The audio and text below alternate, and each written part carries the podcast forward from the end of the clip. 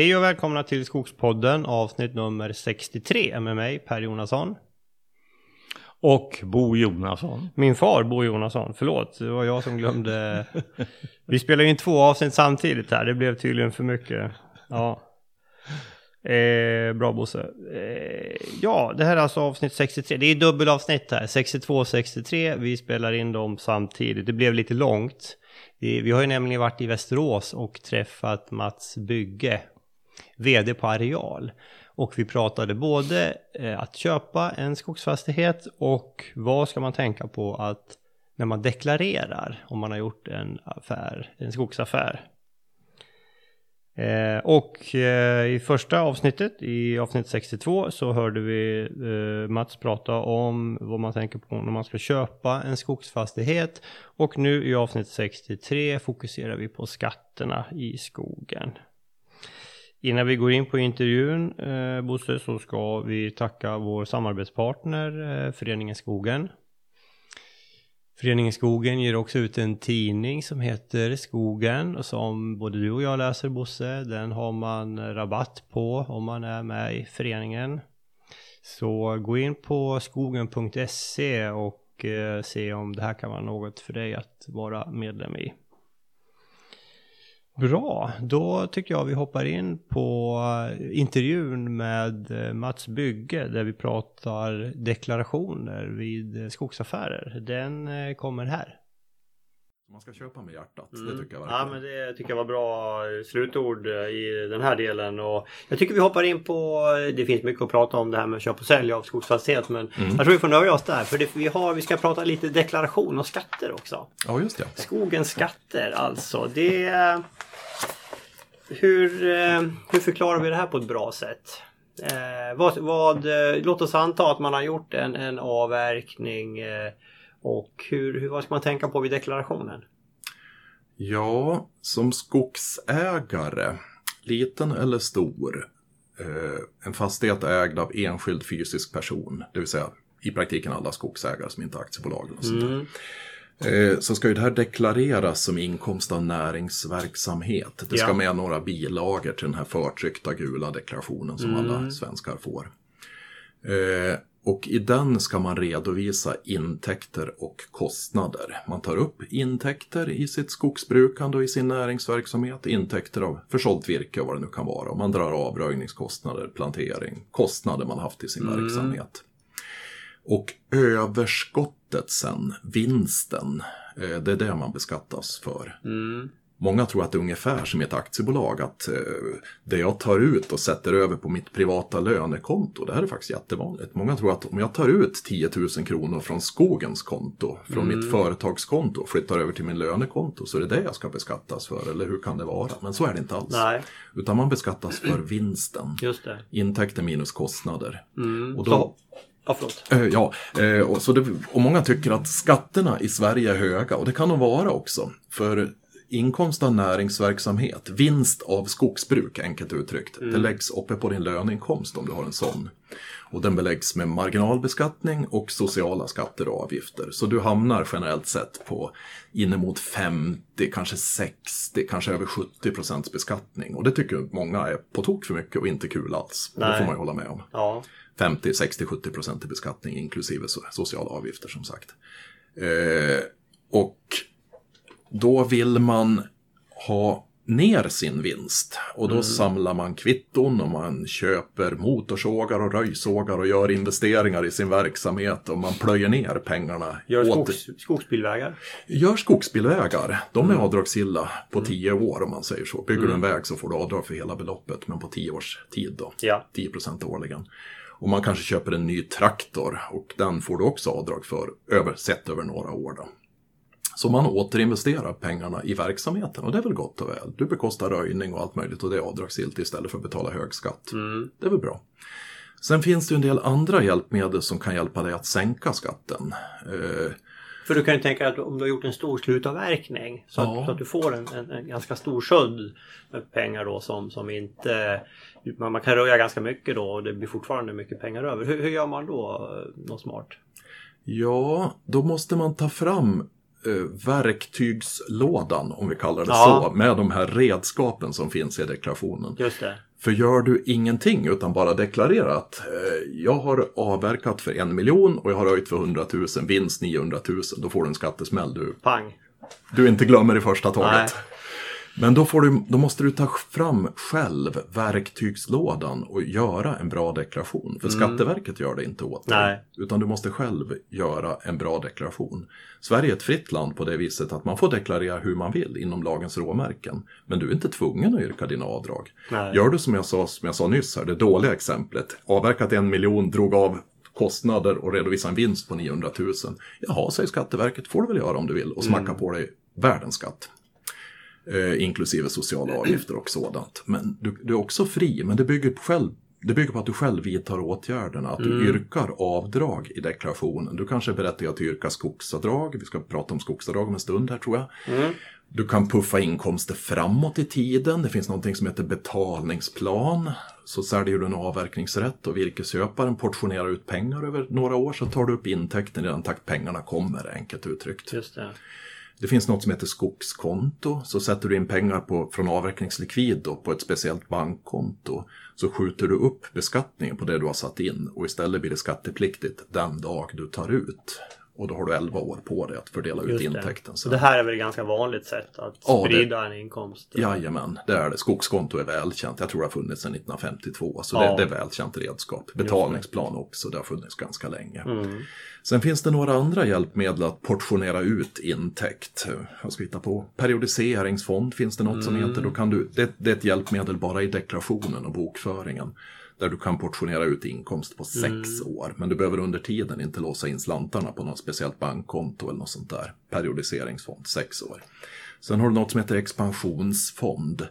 Där kan du eh, jämna ut ditt resultat. Ganska krångliga regler för det, men du kan så att säga öka eller minska ditt resultat inom ett visst spann som du har.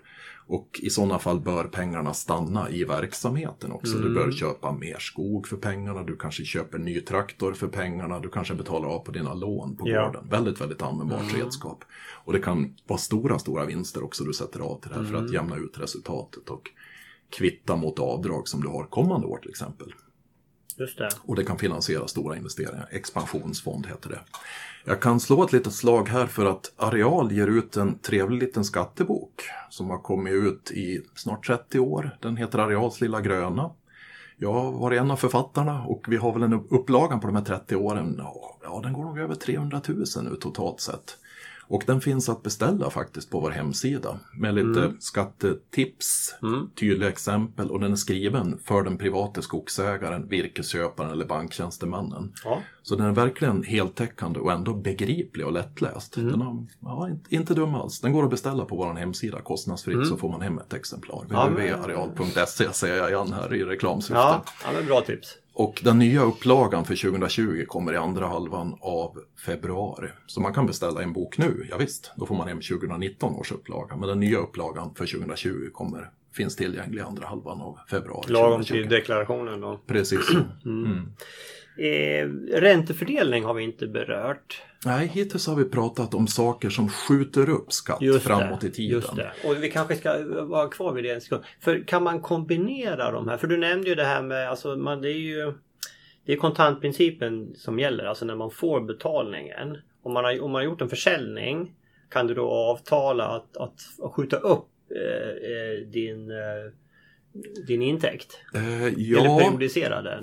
Eh, egentligen är det bokföringsmässig princip som gäller fullt ut. Det vill säga när du har skrivit på ett kontrakt och sålt någonting, det är då du ska bokföra intäkten. Men då finns det ett enda undantag från de bokföringsmässiga reglerna. Och det är vid försäljning av avverkningsrätt, skog på rot enkelt uttryckt. Det är då, om du delar upp betalningen över flera år, eh, så kan du ta upp intäkten i den takt pengarna kommer.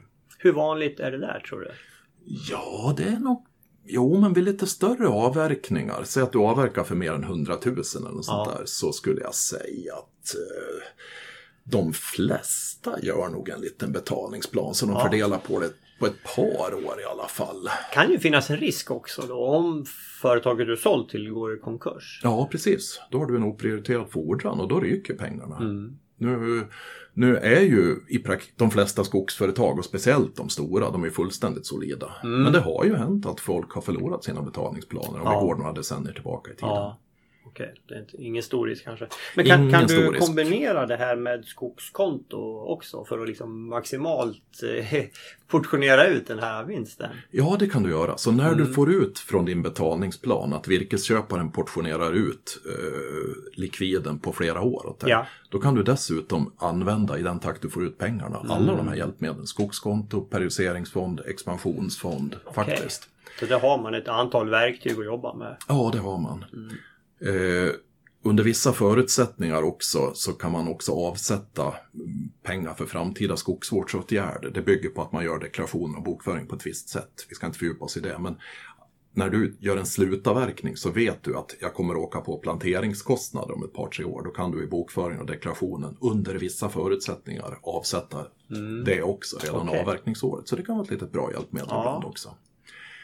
Och sen har du köpt skog eller köpt till skog eller på något vis så finns det något som heter skogsavdrag. Mm. Och skogsavdrag är som ett värdeminskningsavdrag på skog.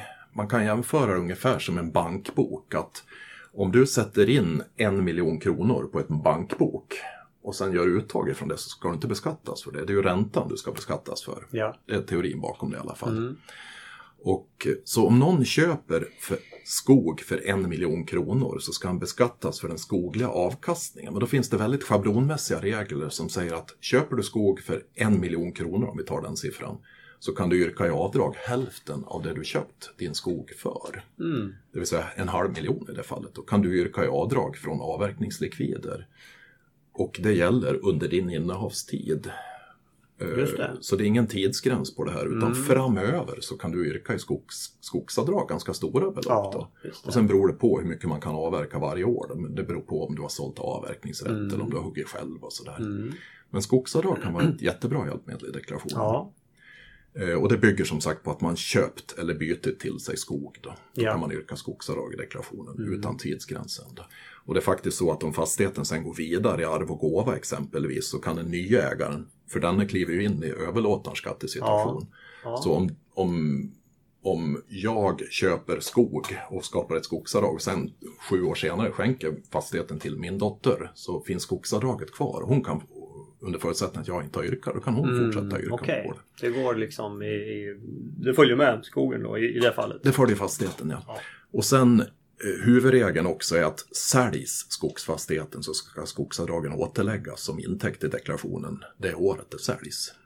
Så. Mm. det ska man tänka på, att det är inte avyrkat och borta och helt skattefria pengar, utan Nej. säljs fastigheten en dag, så huvudregeln, det finns vissa undantag, men att huvudregeln att då ska skogsavdragen återläggas i deklarationen som intäkt i Mm. Okej. andra. Men om fastigheten går vidare efter dig i arvskifte och gåva, då kan Mm. de gjorda skogsavdragen ligga kvar i fastigheten och kommer inte fram till beskattning bara för att fastigheten byter ägare. Okej. Så skogsavdragen kan ju löpa, det är ju som ett långfristigt lån, Ja. en långfristig skattekredit. Och det är ingen indexuppräkning och ingen ränta på den och sånt där. Så skogsavdrag är alldeles utmärkt Mm. hjälpmedel i deklarationen. Ja, det låter ju smidigt. Mm. Så skogsavdrag är det många som kan yrka och det bör man yrka. Och skogsavdrag är såklart ett hjälpmedel också när man nyss har gjort ett tillköp av skog. Mm. Eh, köper du ett grannskifte för en miljon kronor, då får du ett skogsavdrag på hälften, en halv miljon som jag sa. Och då kanske du hugger på antingen din tidigare fastighet eller på den nyköpta och får loss en halv miljon skattefritt som du naturligtvis kan använda till att betala köpet med. För köp av skog annars är ju inte avdragsgillt, inte köp av åker eller något sånt där. Köp av mark är inte avdragsgillt. Nej. Det går till balansräkningen. Men då finns det en specialare om man köper skog. Då kan man avverka för vissa belopp, skogsavdrag. Mm. Och yrka avdrag i deklarationen efteråt. Och det är naturligtvis ett hjälpmedel när du köper Ja. skog. Då. Just det. Ja, det. Det låter ju väldigt lukrativt och Mm. smart. Så köper du skog för en miljon så kanske du hugger för drygt, drygt en miljon. Och, eh, yrkar skogsavdrag och så använder du periodiseringsfond och expansionsfond och kanske lite sån där föryngringsavsättning som jag nämnde. Och så pang så kan du betala till köpet utan banklån helt Ja. enkelt om du är lite om det, om, om dig och kring dig. Ja, så det finns. Skulle du säga, det låter nästan som att det är ganska, det kan vara alltså ett gynnsamt skatteklimat för en skogsägare. Ja, det kan det verkligen vara. Men det bygger på att man kan reglerna. Mm. Eller, vilket jag egentligen vill betona, att man tar hjälp med deklarationen. Det är väl det som är huvudbudskapet till alla skogsägare faktiskt. Tag hjälp med deklarationen. Ja. Och ganska många har någon redovisningsbyrå eller något sånt där som gör bokföringen och summerar bokföringen och kanske gör något enklare bokslut. Ja, jättebra då. Men sen vill det ju till att någon med lite gör en bra deklaration där man tänker till och individanpassar deklarationen. För man deklarerar på ett sätt åt en 70-årige som kanske snart ska överlåta sin fastighet och man deklarerar på ett sätt åt en 30-årige som nyligen har förvärvat sin fastighet och av- avser Ja. att köpa mer skog och så vidare. Och Ja. man deklarerar på ett sätt åt farbror bonden och man deklarerar på ett sätt åt utbon i stan och, och så vidare. Ja. Så det gäller att individanpassa deklarationen, Mm. skräddarsy och försöka göra det bästa så gott man kan. Man vet ju inte alltid vad som händer i framtiden, Nej. typ aldrig. Men man gör någon slags bedömning att Ja. det här borde bli bra för just den här personen. Ja, så det bästa tipset är att ta hjälp av en, vad ska vi kalla det, skatterådgivare faktiskt. Någon som förstår sig på skogsbeskattning. Inte bara en vanlig bokföringsfirma och kanske inte heller de stora redovisningsfirmerna som kan ha stora koncerner, KPMG och Bolins och allt vad de heter. Mm. Eh, nej, de- är säkert duktiga på koncernbeskattning, bolag etc. etc. Men eh, ta specialisthjälp, ta skogskunskap till hjälp. Däremot kan det vara bra att kunna lite om skattefrågor. Jag berättade om Areals bok här, Areals lilla gröna. Läs den, det tycker jag verkligen. Och försök ta till, ta till DIG och er så mycket information som möjligt. Så att man vidtar någorlunda rätt åtgärder under året. Ja men precis, precis. Och jag tycker vi, vi kan väl ändå det här med räntefördelning tycker jag vi måste nämna också. Ja, precis. För För det vi har pratat om några olika verktyg här. Ja, Eh, om vi repeterar betalningsplan, virkesköparen Mm. fördelade. Avsättning för framtida föryngring kunde man använda ibland. Ja. Skogskonto, insättning på ett visst bankkonto, kunde Mm. fördela intäkten på 11 år. Periodiseringsfond, en grej bara i bokföring och deklarationen, kunde fördela ut intäkt på sex olika år. Mm. Expansionsfond, ett bra hjälpmedel till att inom vissa ramar fördela ut intäkt över olika år och kvitta Ja. bort mot avdrag. Mm. Och sen pratar vi om skogsavdrag, ett stort värdeminstavdrag på skog som man kan yrka under förutsättning att man köpt eller byter till sig skog. Men sen räntefördelning är ytterligare ett verktyg i den skogliga verktygslådan. ja, Och räntefördelning, och den finns förresten hos alla småföretagare. Eh, enskilda näringsidkare kan ju använda räntefördelning. Men just för skogsägare och ibland för hyreshusägare kan det vara extra gynnsamt. mm. Därför att räntefördelning innebär att man så att säga skattar fram vinst ur företaget gynnsamt i inkomstslaget kapital. Som en bankränta aktieutdelning till 30% skattesats. Och då har man inte skjutit skatt framför sig. Mycket av de andra verktygen har ju varit att puffa inkomst Ja. och skatt framåt i tiden och kvitta mot kommande avdrag etc. Och låta inflationen tära på avdragen. Men här handlar det om att skatta fram vinst till 30% skatt och kanske använda pengarna för privat konsumtion sen. Till att betala av på villalånen eller Eh, Men du kan också köpa aktier för pengarna. Eller köpa en ny bil för pengarna. Väldigt vanligt. ja. Eller hjälpa barnbarnen som studerar någonstans med. Eh, Hur, hur funkar då räntefördelningen? Berätta i- stora drag eh, reglerna. mm, det är krångliga regler, det kan man säga. Men syftet är att den egenföretagaren ska ha ungefär samma skatteregler som aktiebolag har. Det vill säga att man kan få ut en avkastning på det egna kapitalet i verksamheten. Mm. Allt ska inte skattas som, som jag sa tidigare, som näringsinkomst, skatt. Nej. Vi pratade tidigare om kapital. 50, 60, 70 procents Ja. beskattning. Men du kan också vä- välja, och det här bygger på en aktiv åtgärd i din deklaration, att du yrkar avdrag för räntefördelning och har Mm. goda möjligheter för sånt. Då kan du få ut ganska stora pengar om du vill. Det är valfritt att utnyttja. Men då kan du få ut pengar till 30 procent skatt och inga sociala. Och det är skattat och klart och du har inte skjutit något på framtiden och pengarna kan du göra vad du vill med efteråt. Mm. Eh, och det bygger på det egna kapitalet i verksamheten. Och eget kapital det är ju tillgångar minus skulder. Ja. Och för en skogsägare så finns det ofta ganska mycket tillgångar. Man har till exempel en tillgång som heter skogsfastigheten som är värd mycket pengar. Och man har kanske pengar på skogskonto och man äger traktorer och farbror bonden har djur och spannmålslager och allt möjligt. Ja. Djurlager kan han ha också. Och så drar man ifrån skulderna som finns i verksamheten. Så tillgångar minus skulder ger eget kapital. Och så är det lite specialregler för hur man ska värdera fastigheten. Huvudregeln att man ska ta upp det till det man har köpt den för. Men många har ju ärvt eller fått sin fastighet i gåva. Det finns inget modernt inköpspris. Då tar man upp den till 39 procent av ett gammalt taxeringsvärde. Men kort, det är krångliga regler som jag sa, Ja. jag varnar för det.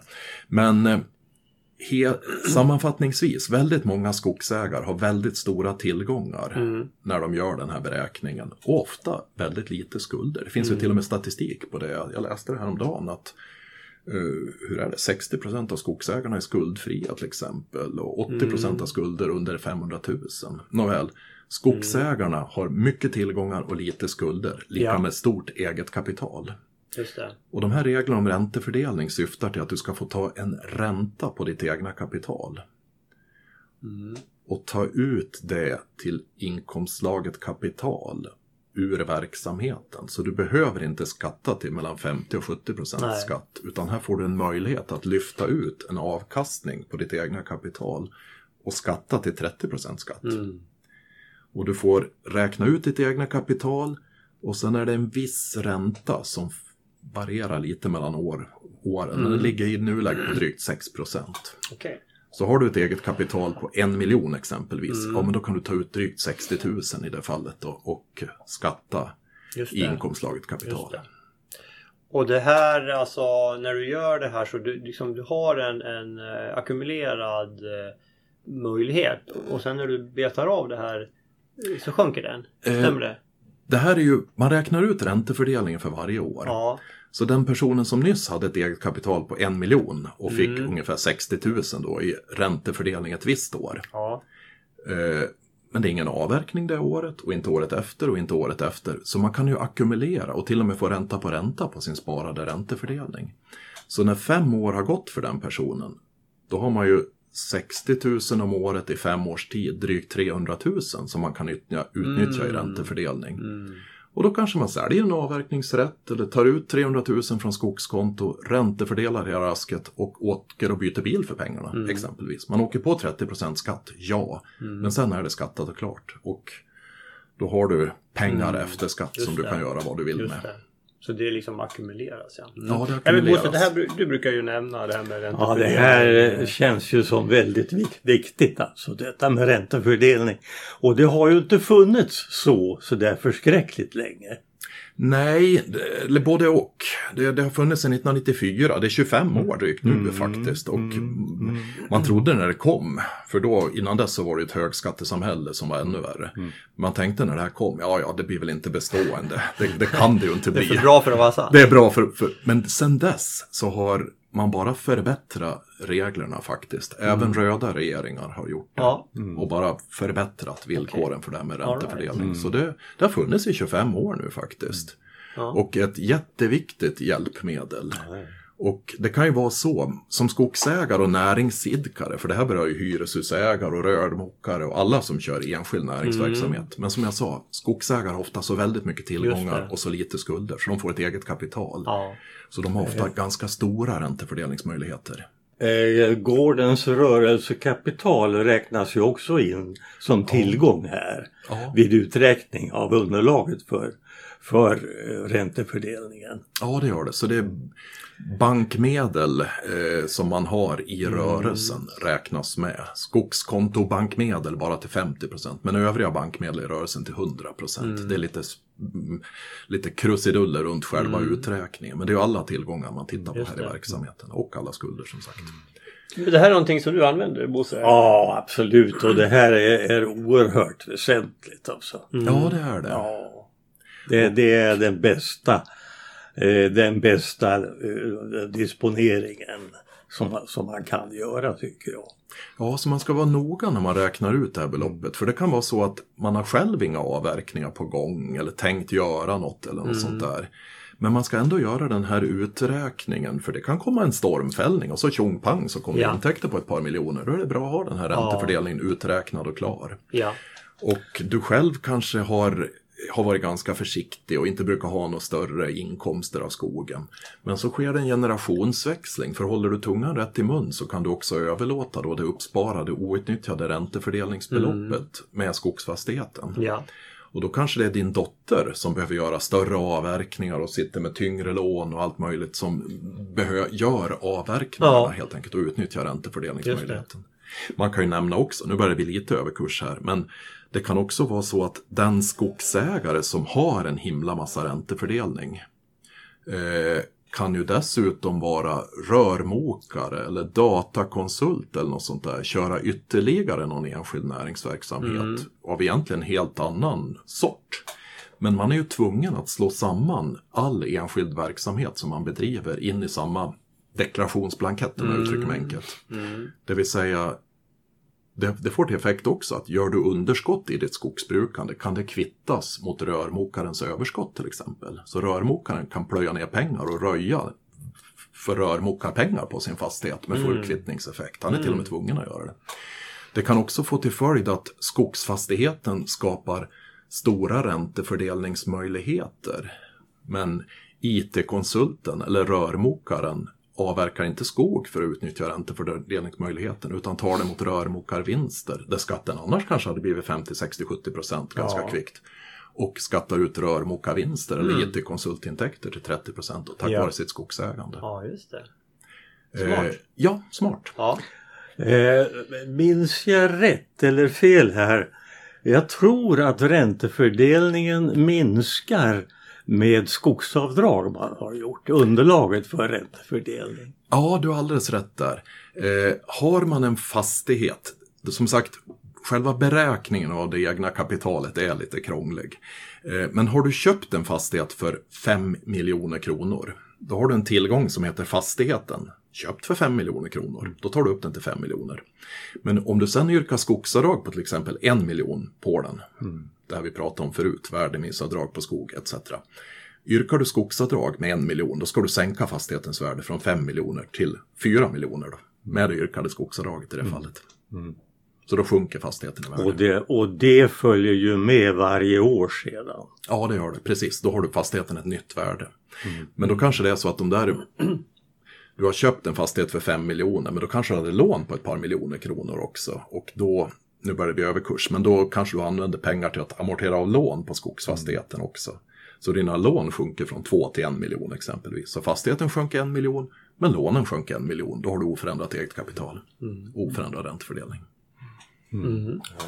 Ja, det här är ju en, en djungel, men det verkar finnas många verktyg, helt klart. Ja, det gör det. Och det bygger på att man använder dem och använder dem på rätt sätt.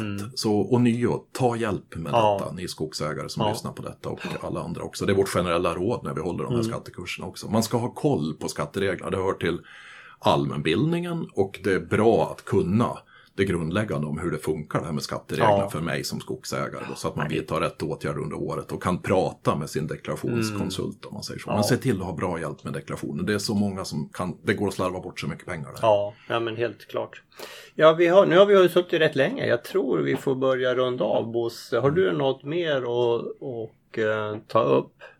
Jag har en liten anteckning här om aktiv och passiv näringsverksamhet. Ja, just det. Eh, jag vet inte om du ska säga någonting om det. Man kryssar ju i i deklarationsblanketten Mm. om man är aktiv eller passiv. Och jag vet här, för ögonblicket i alla fall, så vet jag inte riktigt skillnaden skattemässigt om man eh, kryssar eller inte. Var det i, slutändan? Just det. Jo, för som näringsidkare, till exempel skogsägare, så kan man vara aktiv eller passiv som du säger. Och aktiv, det bygger på att när det finns fastighetsinnehav med i bilden, det bygger som till exempel på skogsfastighet eller hyreshus, då bygger det på att du har jobbat minst 500-600 timmar själv i din verksamhet. Det, då är huvudregeln att du är aktiv när det finns fastighetsinnehav med i bilden som jag sa. Och har du jobbat mindre så är du i allmänhet passiv. Och man brukar titta på hur det, hur det ser ut eller brukar se ut över en två, tre års cykel också. Så det är inte bara det enskilda året som styr.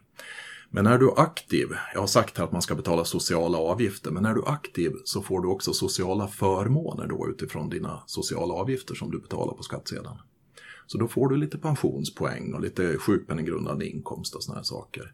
Och generellt sett så är det bättre att vara aktiv än att vara passiv. Det vill säga, för aktiv då har du ett lite högre skatt. Kanske skatt också inklusive sociala, kanske ett par tre procent högre eller någonting sånt där, bara. Men då, de sociala avgifterna du då betalar, de får du socio sociala förmåner utifrån. Och sen har du några andra bra grejer i deklarationen också. Du kan dra pensionsförsäkringspremier i verksamheten om du är aktiv. Många tror att det avdraget är helt slopat, men så är det inte alls för aktiva näringsidkare. Rörmokaren eller skogsägaren som är aktiv kan dra jättestora premier. Men den passiva och löntagaren kan inte dra av någonting alls. Man får lite högre grundavdrag, man får jobbskatteavdrag om man är aktiv. Finns ett par, par bra gre- grejer till. Så det finns en skillnad. Man är alltid antingen aktiv eller passiv och då tittar man på hur mycket man har jobbat i hela verksamheten. Okej. Så är du både rörmokare och skogsägare. Du kanske inte gör ett dugg hemma på skogsfastigheten eller jobbar 50 timmar om året där, men du är heltidsrörmokare. Då tittar man på hela verksamheten. Och då har du definitivt jobbat mer än 500-600 Ja. timmar i ditt rörmokeri. Men då är även skogen aktiv i det All fallet. right. Ja, ja. Så det där är också en liten grej att hålla koll på, det här med aktiv och passiv. Och det finns Ja. rätt mycket annat också att hålla koll på i den här skogsbeskattningsvärlden om vi kallar Ja. det så. Men gränsen mellan aktiv och passiv eh, ska man också tänka på. Och generellt sett bättre att vara aktiv än att vara passiv. Ja. Ja men bra. Ja, men jag tror vi får börja runda av där. Vi, vi kan, det känns som att man kan sitta här och prata väldigt länge. Och vi har ju en, vi har kanske inte nämnt det, men vi har ju en fantastisk utsikt här från 18 våningen. Det är ju, idag är det strålande solsken och idag är det Nobeldagen också.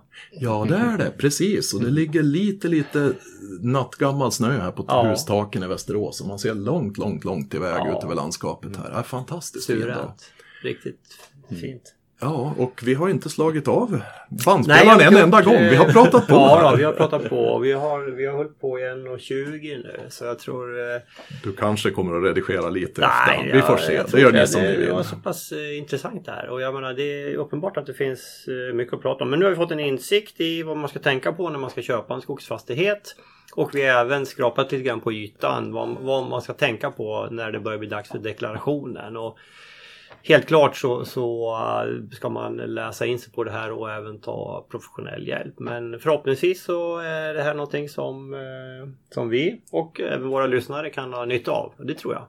Ja, och jag uppmanar lyssnarna än en gång att gå in på Areals hemsida, www.areal.se och så titta på våran värderingssnurra och Mm. provköra sin egen fastighet eller någon fastighet som man ser är till salu. Och Ja. Ett alldeles utmärkt hjälpmedel. Mm. Och så kan man samtidigt beställa en skattebok där, Areals lilla gröna. Man får Ja. hem ett exemplar kostnadsfritt bara man fyller i namn och adress där på vår hemsida. Suveränt. Mm. Suveränt. Nej men då, då säger vi tack så mycket till eh, Mats Bygge och på, på återhörande. Jajamän, jag ser fram emot nästa avsnitt. Tack för det. Hej. Tack ska du ha. Mm. Det var givande. Mange tack. Så, då har vi lyssnat på Mats där han har först pratat i avsnitt 62, pratat om eh, köp av skogsfastighet och i avsnitt 63 att deklarera. Vad tycker du Bosse? Vad, du, eh, ja, du har varit med länge, du kan mycket av det här men, men eh, vad tar du med dig från den här gedigna intervjun med Mats? Ja, det finns mycket att hålla i huvudet när, det gäller det här med skogen och skatter. Eh, och här sker ju en, en, en förändring under, under tiden. En, en långsam förändring av skogsbeskattningen. Men jag, jag eh, har aldrig eh, gått allt för djupt i det här. För jag, jag vet ju att det finns, det finns ju människor att rådfråga. Mm. Ehm, ehm, men det finns en, en väldigt viktig eh, moment i det här och det är räntefördelningen. Eh, det tål att påminna skogsägarna om möjligheterna att använda räntefördelning. Mm. Kom ihåg det. Mm. Om ni glömmer allting annat ifrån de här intervjuerna så kom ihåg räntefördelningen. Ja. ja. Du nämnde vid något tillfälle Bosse att du har stött på skogsägare som inte har haft full koll på det här eller känt till det ordentligt. Det här kom ju på 1990-talet. Mm. Eh, och har inte funnits med i den ursprungliga eh, kunskapen hos skogsägare. Nej. Utan det har, har kommit. Just det. Det har kommit den där tiden. Mm. Och det är väldigt värdefullt. Ja. Mm. Mm. Det var Bo Lundgren som införde det här. Ja, det är riktigt. Det var den borgerliga regeringen då Carl Bildt var statsminister. Mm. Mm. Mm. Ja, men det är väl, har, har man inte utnyttjat det tidigare så är det hög tid nu. Det här med att köpa en skogsfastighet då Bosse, vad, vad tyckte du om det samtalet? Asch, det, det är en väldigt viktig, väldigt viktig information. Och man ska ju vara väldigt medveten om det att det ena objektet är inte det andra likt. Nej. Nej. Eh, och den här intervjun med, med Mats Bygge här om just det här köp av skog. Det, det fokuserar ju på de här eh, inte helt uppenbara frågorna. Eh, till exempel hur mycket mera är en skog värd som har ståndortsindex 30 jämfört med en som har ståndortsindex 24. Mm. Just det. Den, den som eh, har högre ståndortsindex producerar ju så mycket mera, det växer så mycket bättre. Ja. Och det där är inte lätt att få grepp på Nej. utan vidare. Nej. Nej, det är ju inget man ser om man går ut i skogen. Man ser ju naturligtvis ståndortsindex i skogsbruksplanen och ja, man får ju kontrollera det där lite själv också. Man kan ju inte alltid lita på planen heller, 100 procent. Nej men så är det ju. Man får ut och bonitera helt enkelt. Ja. The worst Ja. case. Ja. Kan man vara riktigt säker. Ja. Titta vad det är för ris och titta på toppskottens längd och Ja. Leta efter eh, högörter. Ja. Ja. Ja visst, det är spännande. Ja. Du har ju, du har ju räknat på många eh, fastigheter här i närheten. Ja, det, det har ju, det var ju en period då det var ganska många ah, fastigheter som jag hade kunnat tänka mig att köpa. Men jag har kommit över det värsta. Jag tycker vi, vi har en fin fastighet och jag är, eh, jag är glad åt den. Ja. Mm. Nej men jag vet att du, du sa ju ofta att priset drog iväg. Ja, ja, ja. Att, att det är, eh, många köper på känsla. Ja. Mm. Eh, Ett önskemål är ju att man ska kunna räkna hem det alltså. Mm. Just det. Mm. Och då har man ju då har man det här som vi pratar om i, i intervjun där, att man får diskontera framtida kassaflöden och, och eh, ta fram det. Och, och det gäller att sätta en, en, en räntenivå då som man känner sig trygg med.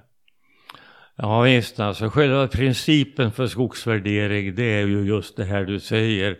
Att diskontera alla framtida netton och även förluster Mm. eh, till nutid. Då har man värdet. Men eh, det förutsätter att man bestämmer sig för eh, sitt räntekrav som inte får vara för högt för då blir det ingen skogsaffär. Nej. Mm. Nej. Och det, nej, men det har ju, det har ju sjunkit här med, med en, en eh, sjunkande ränta. Mm. Ja. 1,8 procent Ja, du nämnde det, precis. Mm. Mm. känner jag för. Ja. Nej, men det är väl en rimlig siffra. Mm. Det här är ju, om man är intresserad av det här så det finns ju böcker att läsa. Vi gjorde ju ett räkneexempel, jag gick ju en kurs där på Linnéuniversitetet. Jag tror det var i eh, hållbart familjeskogsbruk, om det var i nummer två tror jag. Eh, Då fick vi räkna på ett, eh, och det var en verklig fastighet som låg ute till salu. Kan man ju göra en beräkning då och, och titta på vilka gallringar har vi, finns det någon slutavverkning och så eh, diskontera det då till nutid. Och eh, sen kan man ju jämföra med vad, vad den går för i verkligheten också. Nu, ja, men det där är, ja, Mm. kan rekommenderas de här Mm. kurserna, lära sig det här. Eh, bra, nej men det var, jag tyckte det var en, Mats är ju jäkligt duktig, erfaren och han är bra på att förklara också. Ja, en god pedagog. Ja, Mm. ja vi får se, det kan bli fler intervjuer med honom tror jag. Sitter på Mm. mycket kunskap. Mm. Mm.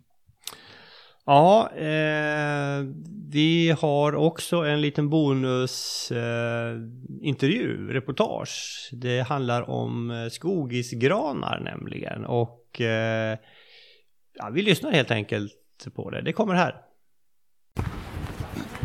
Ja, jag är alltså på väg mot Karlaplan. Där ska jag träffa några jägmästarstudenter som står och säljer skogisgranar och nu skymtar jag faktiskt Karlaplan runt hörnet här.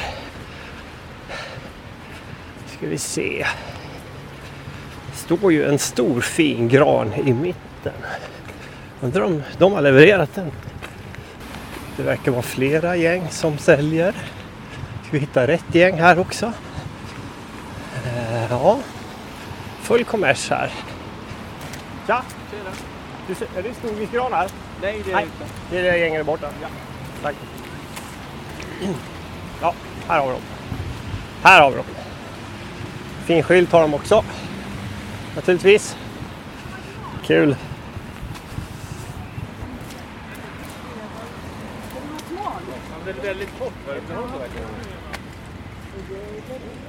Hej! Tja! Är det julgransjakt? Ja, jag pekar efter Per Eriksson. Per? Okej. Tjena! Per? Per. Trevligt. Kul att träffas. Ja, kul. Ja, men det är klart. Jaha, då står vi här på eh, Karlaplan och jag står här med Per och eh, Rebecka som säljer skogisgranar. Välkomna till Skogspodden! Tack snälla. Tack så mycket. Och eh, vi kan väl börja med att ni berättar lite grann om er själva och er bakgrund. Ja, eh, Rebecka heter jag då. Kommer ursprungligen från Örnsköldsvik och pluggar då i Umeå. Eh, jag är 22 år nu mm, och trivs bra på utbildningen. Ja, Ja, mitt namn är Per Eriksson. Jag kommer från eh, Småland, en, eh, ett par tre mil från eh, Älmhult. Eh, och jag läser till jägmästare nu då.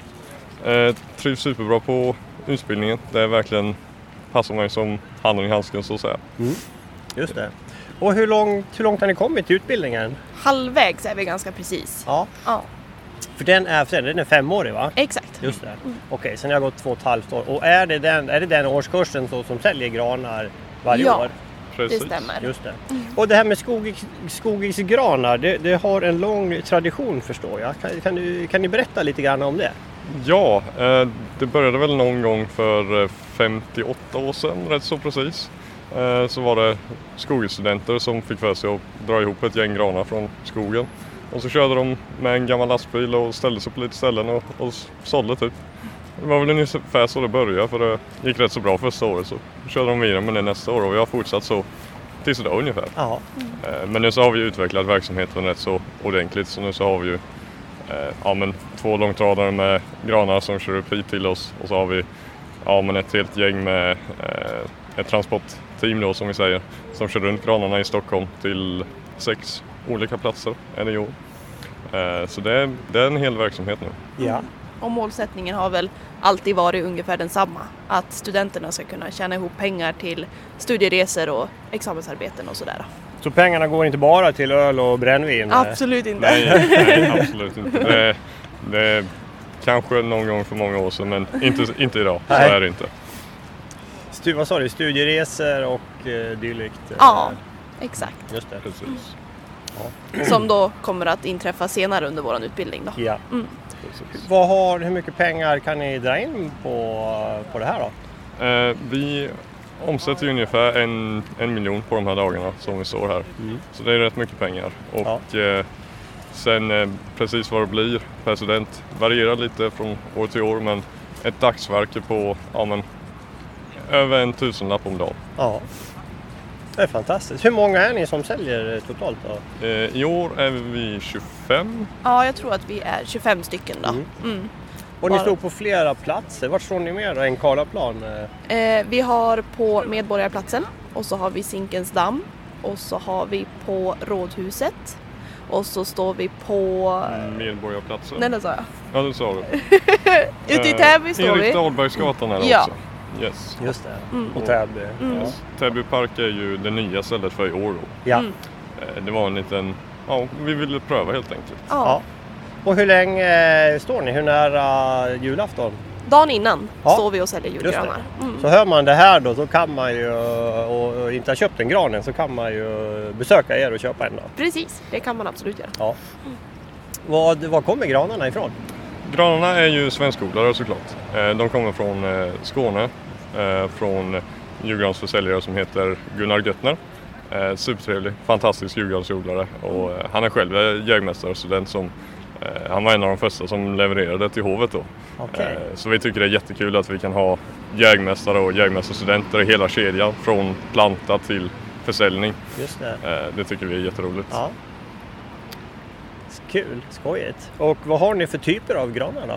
Eh, vi har ju då våran vanliga gran, rödgran, Ja. eh, och så har vi kungsgranen. Mm. Och båda de här har vi i flera olika storlekar. Ja. Allt från under en meter, som är så kallad bordsgran, Ja. upp till över fem meter. Ja, just det. Och i varierande kvaliteter.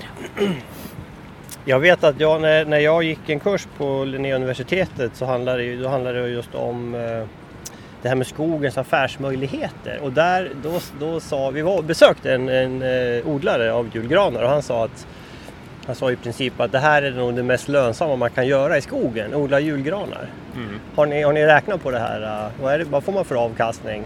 Oj, avkastningen på det här på... Eh, oj, det... det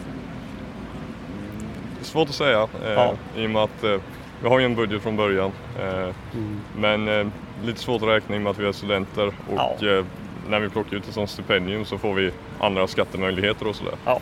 Jag, jag tänkte mest på själva odlingen, alltså Det- första ledet. Det, det kan ligga på eh, avkastning på 20 procent. Ja.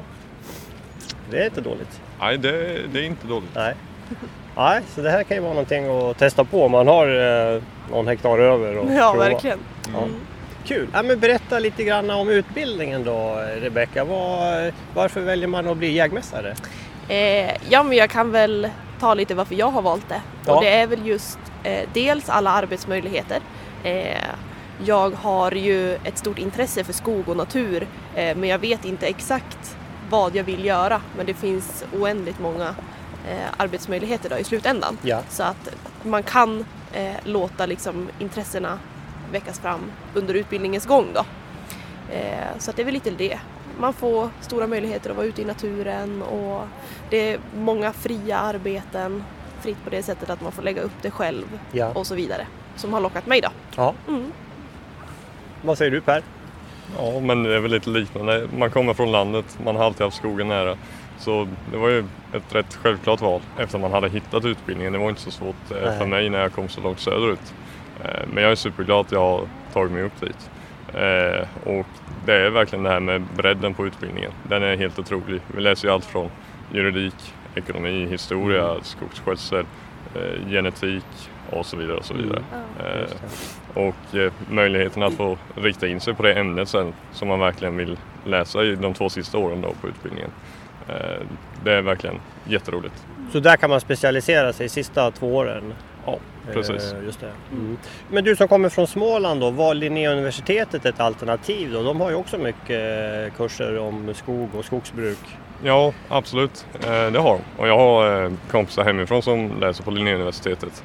Men jag känner ändå att SLU har verkligen spetskompetensen och de är världsledande på skog. Ja. De är ju på topp 1 till 4 beroende på vilken sån här undersökning det är. Eh, bäst i världen på skogsvetenskap. Det. så eh, de är verkligen topp, topp. Ja.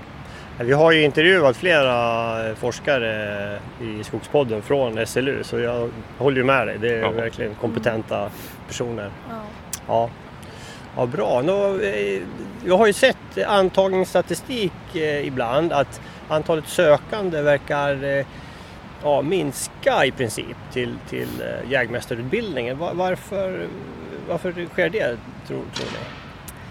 Ja, det är väl det. Jag tror att det läggs lite lite tid på att eh, få ut vad som finns på SLU. Det är Ja. ju inte bara jägmästare utan det är ju flera olika utbildningar. Eh, och jag tror att det är väl lite där det hänger på, att SLU syns inte så väl eh, utåt Nej. som andra universitet Nej. gör. Kan det, kan det vara så också att alla vet inte riktigt vad en jägmästare gör idag? Så kan det mycket väl vara. Det är ofta man, eh, när man berättar att man läser jägmästare som de tror att man håller utbilda sig och tar jägarexamen Ja. under fem år. Ja, just det. Men så är ju inte fallet. Nej. Men de, många tror att man håller på att bli jägare när man går den här utbildningen. Ja. Just på grund av namnet då. Har ni ett nära samarbete med näringslivet och liksom blivande arbetsgivare? Oh ja, det har vi. Supernära skulle jag säga. Eh, Jag skulle säga att de flesta i vår klass tror jag redan har haft sommarjobb. Jag fick det redan efter första året eh, så hade jag sommarjobb. Det var Ja. inga som helst problem. Ja. Eh, Och eh, jag tror, jag tror att alla kommer få jobb efter den här utbildningen. Det är inga som helst problem. Nej. Vad finns det för möjligheter att jobba utomlands om man är intresserad av det då? Jo, men det finns väl. Eh, du kan ju redan under utbildningen åka utomlands och studera och göra utbytesstudier. Okej. Eh, och sen finns det ju även då forskarmöjligheter utomlands och du Ja. kan ju även under sista året eller sista åren eh, inrikta dig mot mer europeisk och internationell skog. Ja. Vilket ökar då även möjligheterna för att Ja. arbeta ja, utomlands. just det. Mm. Ja, ja. ja det låter ju spännande. Vad Har ni någon drömarbetsgivare när ni blir klara då? Är det Södra eller? Ja, nu har jag faktiskt redan jobbat på Södra två somrar men jag tror väl min dröm är väl kanske att vara min egen arbetsgivare skulle jag tro faktiskt. Ja. Och det säger jag att det finns många stora möjligheter till. Ja. Eh, Och mitt mål är väl kanske att rikta in mig på skog och ekonomi och jobba med eget företag inom det ämnet så att säga. Ja. Vad säger du Rebecka? Ja, det där är svårt. Eh, det finns jättemånga bra företag Ja. eh, att jobba hos och jag har haft med några att göra redan och de är mycket trevliga allihopa. Eh, jag är mest ute efter att få ett jobb där jag får styra ganska fritt över mig själv, även fast jag kanske inte är min egen arbetsgivare. Och där jag får jobba med, mycket med planering. Ja, Mm. just det. Ja, men då kan ju säkert jägmästare vara bra Ja. alternativ. Det tror jag också. Om ni nu skulle, låt oss anta att någon står och funderar vad, vad hen ska välja för utbildning. Vad, vad är era, hur skulle ni liksom övertyga den personen då att satsa på en, en, en jägmästarutbildning på SLU? Vad, vad säger du Per? Jag tror jag skulle övertala henne genom att säga att om, om du vill ha en riktigt bred, riktigt rolig utbildning där du verkligen får möjlighet att göra det du vill, då ska du välja jägmästare. För jag upplever verkligen att där, där har du verkligen möjlighet att, att göra det, det du vill liksom. Eh, Ja. Precis. Ja, Det är väldigt stora valmöjligheter så att man kan eh, De första åren är ju eh, program gemensamt och du måste som ta dig igenom det om du, även fast det är någon kurs du inte tycker om. Ja. Men sen får du ju verkligen specificera dig mot mer ämnen som du tycker om då Ja. och väljer själv. just det. Mm. Så en stor frihetsgrad kan man säga i, i Ja. val av ämnen. Och, Precis, redan under utbildningen. Ja. Som förmodligen följer med sen ut i arbetslivet Just också. det. Ja. Ja, men bra. Jättekul. Eh, något mer ni vill tillägga innan vi fortsätter att sälja granar? Jo men eh, en, en sista slutkläm kan ju vara att gemenskapen på jägmästarprogrammet är ju helt otrolig. Ja, det är det verkligen. Det är därför vi har våra västar. Det gröna är för skogen och det röda är för gemenskapen. Och det håller ju livet ut. Ja, verkligen. Vi blir väldigt tajta på Ja. vår utbildning. Ja, Mm. ja det, det kan jag ju intyga. Min far är ju jägmästare och han är ju, han är ju alltså 86 år. Eh, gick ut eh, 1959 och de har ju fortfarande träffar eh, i sin eh, årskurs. Och det är ju, ja, det är ju fantastiskt. Ja. Ja. Vad kul! Eh, Tack för att jag fick en pratstund med er och eh, lycka till med, med fortsatt försäljning av, av granarna. Ja. Ja. tack så mycket. Tack så jättemycket. Ja, så där lät det när jag träffade några från eh, Skogis som säljer granar i Stockholm varje år. Eh, intressant. Det här gjorde inte du Bosse? Nej, det var inte på tal på 1950-talet. Nej. Nej. Mm. Mm. Nej, den, eh, även om de höll på länge så, så de har inte hållit på så länge. Nej, jag vet inte när det där började. 60 eller 70-tal skulle jag gissa. Ja, just det, just det. Ja. Mm. Nej, men eh, bra. Eh, då börjar vi bli klara med avsnitt 63. Är det, vi nämnde, vi pratade lite grann om vårt arbete vi gör i skogen just nu. Vi gjorde vi i förra, i 62an där. Eh, vad, vad kommer att ske nu Bosse, närmast framöver? Vi, vi börjar bli klara med förberedelserna. Sen kommer ju förhoppningsvis kommer eh, arbetena igång här efter jul och, och, och nyår. Och då får vi följa det noga förstås. Ja, det, det är alltså ganska intensiv verksamhet i skogen då när det gäller avverkning. Intensiv med våra mått mätt. Um, alltid spännande. Och vi är ju, vi är ju eh, med väldigt mycket när skördarna kommer och skotarna. Så vi, Mm. vi, vi träffar chaufförerna och Mm. pratar och diskuterar med dem och Mm. Eh, det är klart givande det här med nära kontakt med maskinförarna. Det, det är en, eh, en intressant och kunnig eh, spännande yrkeskategori. mm. Duktiga människor alltså. Ja, Mm. mycket duktiga och Mm. löser problem och de har stor erfarenhet och Mm. kan Mm. mycket om skog också. Absolut. Får ju se mycket skogar Mm. och kan jämföra och Mm. Nej men man kan lära sig mycket av dem om man, eh, om man är med och lyssnar lite grann. Och Mm.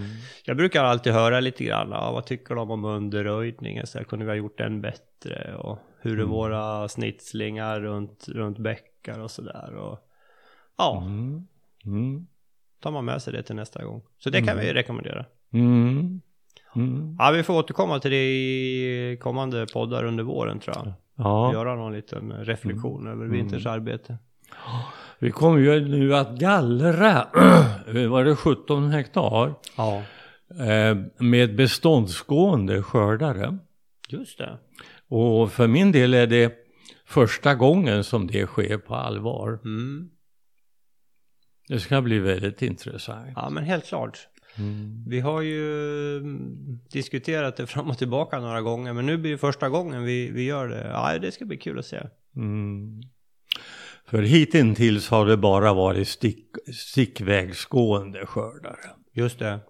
Mm. Mm. Ja, nej, men vi ber att få återkomma om det och berätta om det. Mm. Eh, innan vi stänger helt Bosse så ska vi också tacka vår samarbetspartner eh, Föreningen Skogen. Mm. Eh, gå gärna in på skogen.se och läs mer om föreningen och vad den erbjuder och om det är något för er att bli medlem i.